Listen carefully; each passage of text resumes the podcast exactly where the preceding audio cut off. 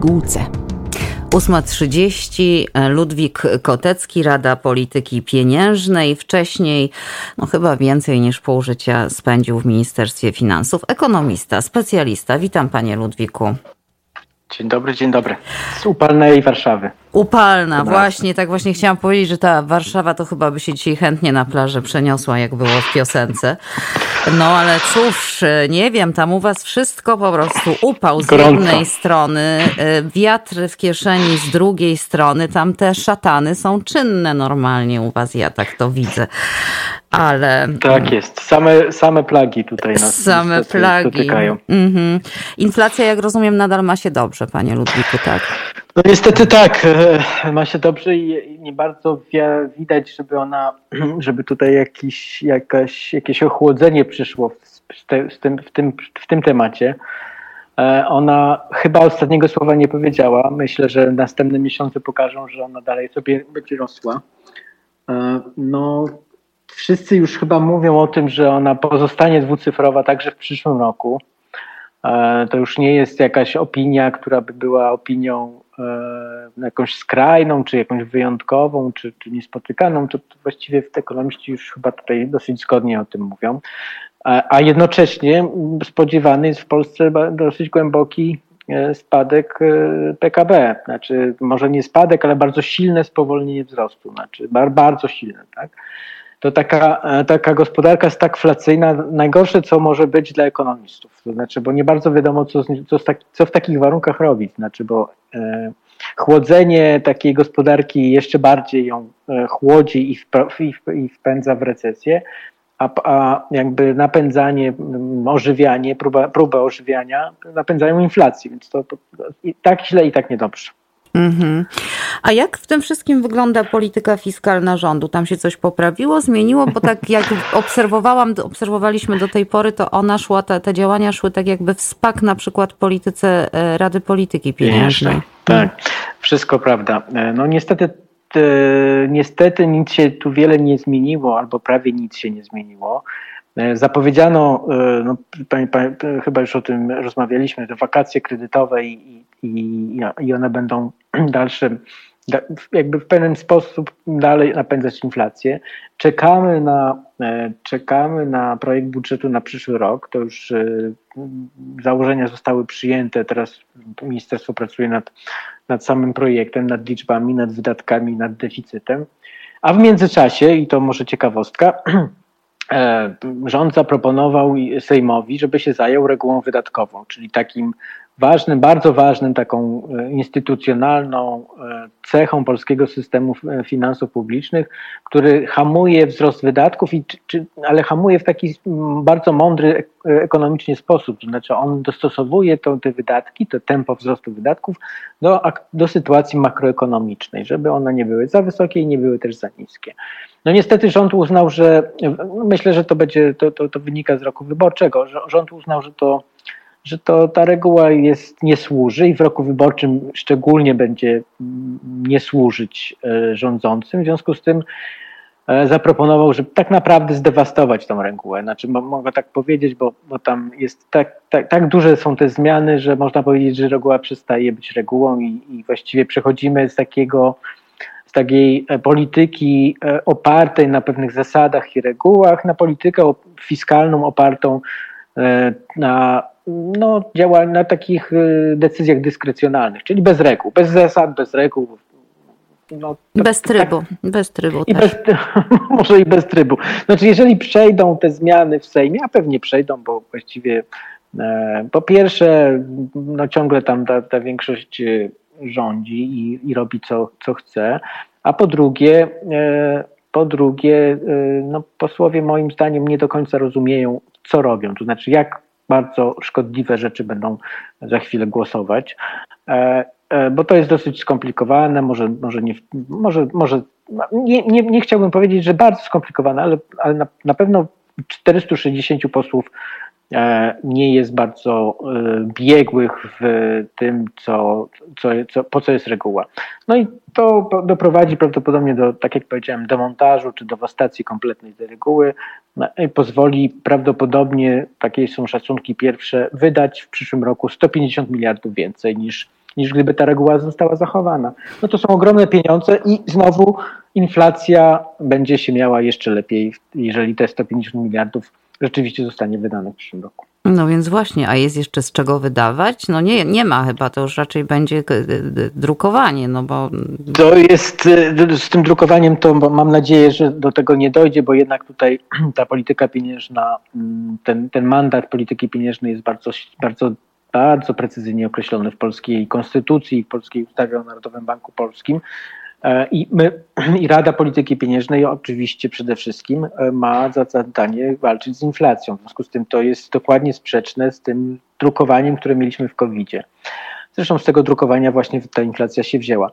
A teraz e, w przyszłym roku jedyne, co może moim zdaniem, bo ta, to pani pytanie jest zasadne, może w jakiś sposób studzić te zapały wydatkowe rządu, to jest kwestia uzyskania finansowania, czyli tego, czy inwestorzy będą skłonni dalej inwestować w polskie obligacje. Bo też może powiem e, taką, e, bo Państwo pewnie nie śledzicie na co dzień rynków finansowych. W ostatnich no, dniach czy tygodniach polskie rentowności bardzo mocno wzrosły.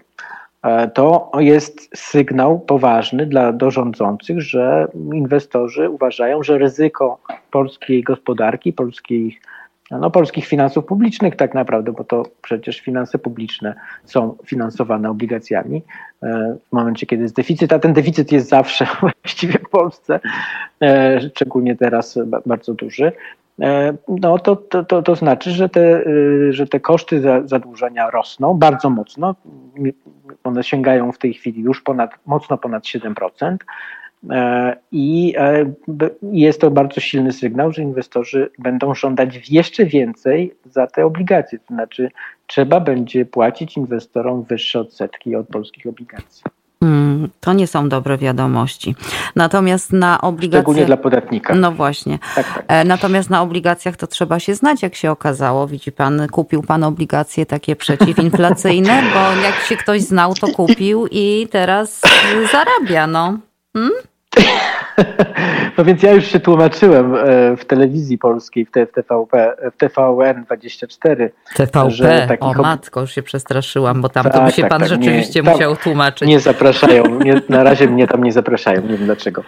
E, otóż e, nie mam takich obligacji, o może tak, więc najprościej, naj, najkrócej mówiąc, e, e, więc jakby tutaj z niczego się nie muszę tłumaczyć, niczego nie mam na sumieniu.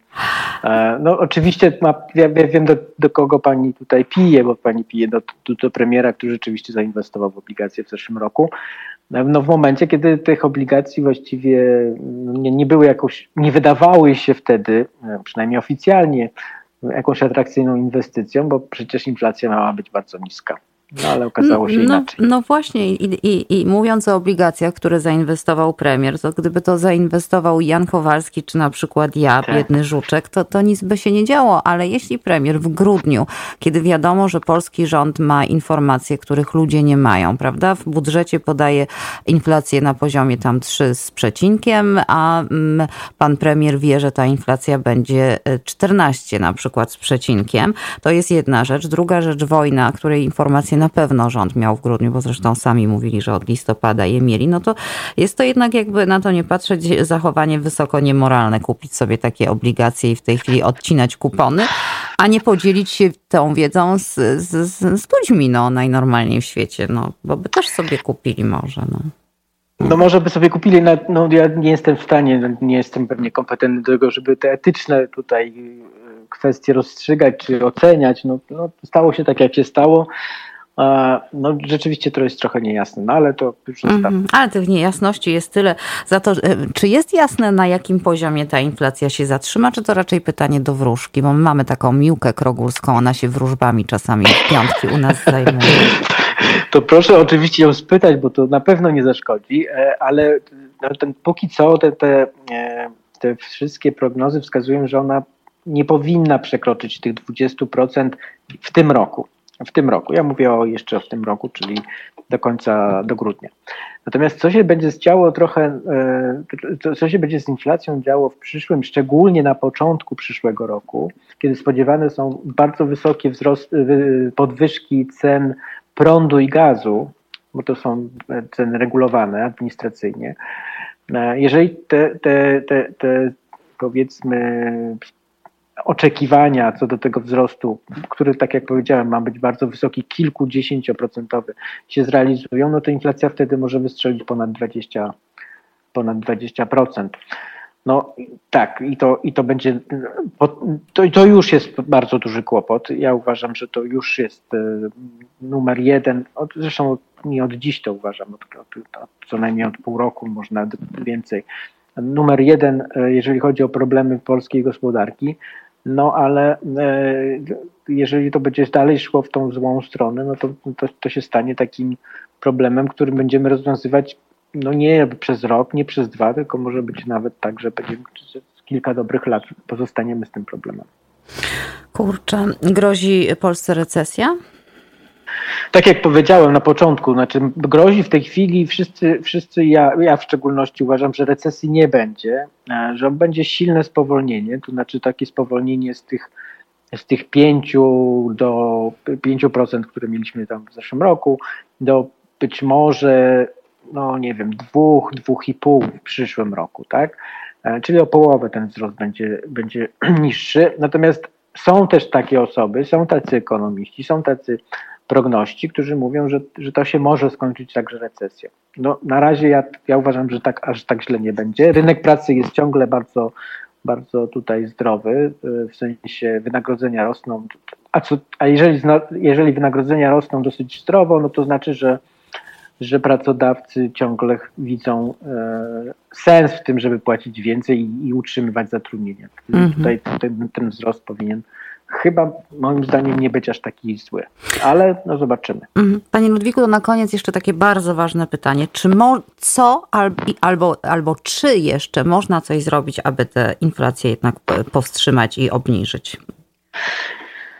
No jest, y, są, są takie pomysły, znaczy trzeba nie przeszkadzać przede wszystkim y, Radzie Polityki Pieniężnej. Znaczy tutaj mam pewien konflikt interesów, bo mówię o sobie. Tak, no ale, ale już pan no powiedział, my... że po, rząd powiedział, że w roku wyborczym no to się nie da nie przeszkadzać. No nie? właśnie.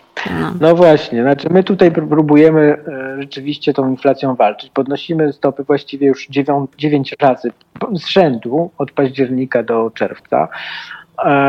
E, te stopy są podnoszone co miesiąc o, o, o, od 50 do 100 punktów bazowych.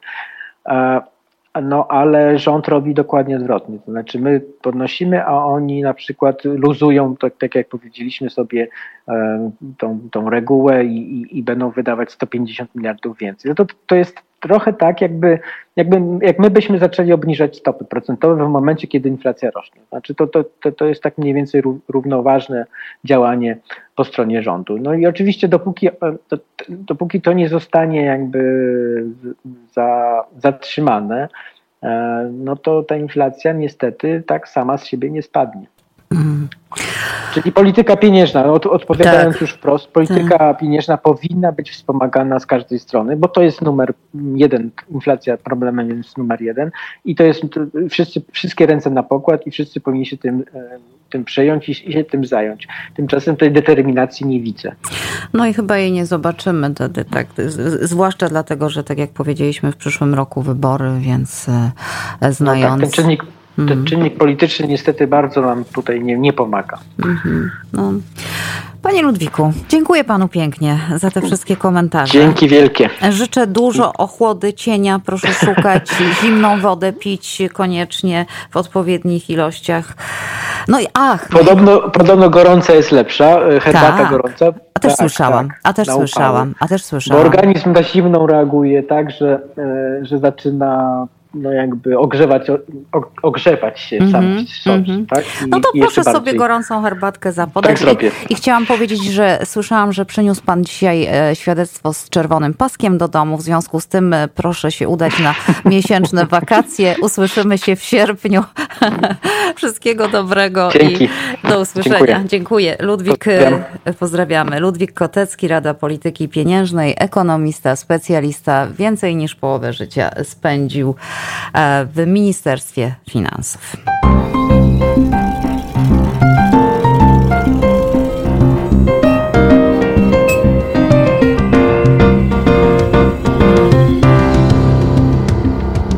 Miesiąc w pigułce.